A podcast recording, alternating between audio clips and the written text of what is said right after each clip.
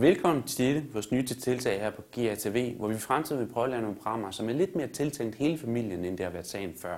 Vi vil stadigvæk snakke om spil og film osv., men det vil ikke nødvendigvis altid være de nyeste spil og film, men snarere produkter, som vi mener har en stor værdi for hele familien.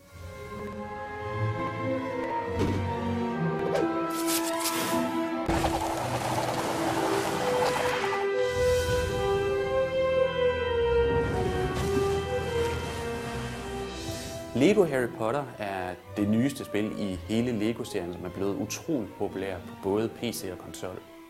Der har været adskillige forskellige afsnit allerede, men nu er stafetten altså tilføjet Harry Potter, og spillet indeholder de fire første bøger, hvilket betyder en utrolig stor mængde indhold.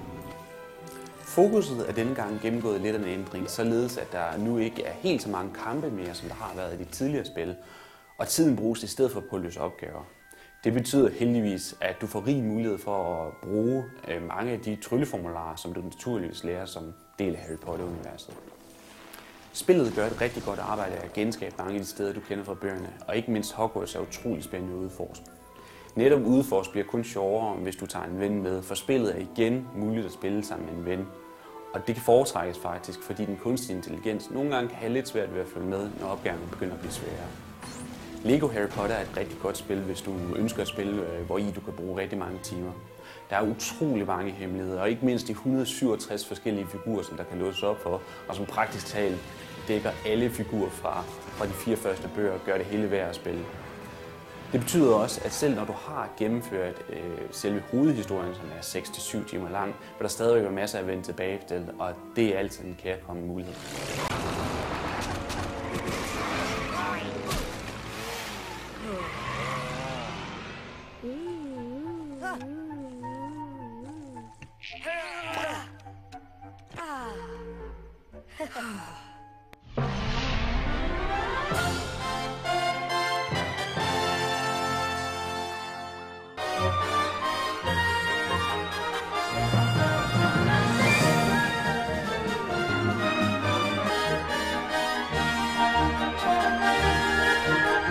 Hvis du ser dig selv som en rigtig Mario-fan, og du allerede har haft New Super Mario Bros. Wii gennem maskineriet, så er Super Mario Galaxy 2 nok det næste spil, du bør gå ud og købe. Også selvom perspektivet dengang skiftede fra 2D til 3D. Prinsesse Peach er naturligvis blevet kidnappet igen, og det betyder, at du som Mario må ud og redde hende igen. Eventyret er kæmpe stort, men allerede fra start bliver der gjort et rigtig godt stykke arbejde i at introducere spillet ganske stille, sådan at helt nye spillere også kan være med. Noget af det sjoveste Super Mario Galaxy 2 er, at der ikke er to baner, der ligner hinanden. Du bliver hele tiden budt på nye udfordringer, og det betyder, at du hele tiden lige har lyst til at se, hvad den næste bane byder på. Selv de baner, som du troede, du havde udforsket for alt, gemmer altid på ekstra hemmeligheder, og sjovt bliver det hele kun af, at der bliver budt på helt nye evner, som f.eks. en skyhat, der lader dig lave din egen platforme, en stenhat, der lader dig forvandle dig til en sten, en boremaskine, der lader dig bore tværs gennem planeterne, og så kan vi endelig igen sige velkommen til vores allesammens dejlige Yoshi. Skulle du ikke tidligere have prøvet et Mario-spil i 3D, så bør du ikke lade dig afskrække af det her. Super Mario Galaxy 2 gør et rigtig godt arbejde i at introducere alle spillere for de nye mekanikker, og det er sjovt fra start til slut.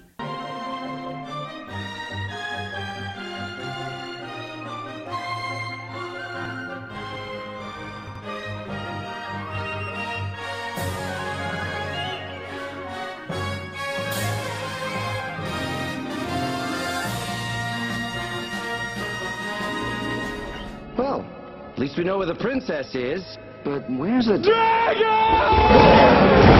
Af film har jeg denne uge valgt at kigge nærmere på Shrek-filmen. De tre første Shrek-film er lige blevet udgivet i en trilogi til en ganske fordelagtig pris, og jeg har set nærmere på den første film, som jeg stadig mener er den bedste.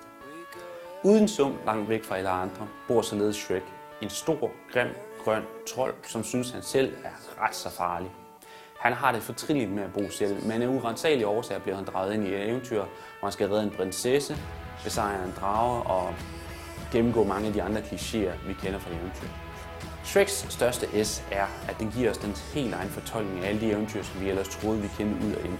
Det betyder, at intet helt er, som det ser ud, og blandt andet er drager måske ikke helt så farlige, som vi troede, de var. Prinsesse Fiona gemmer på sin egen helt store hemmelighed, som vender historien fuldstændigt. Og så er der naturligvis æsel. Kære, dejlige, smukke, søde æsel.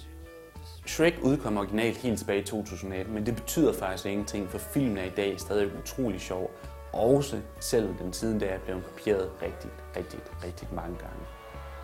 Har du derfor brug for en god film til en sjov og hyggelig familieaften, så er Shrek et rigtig godt bud.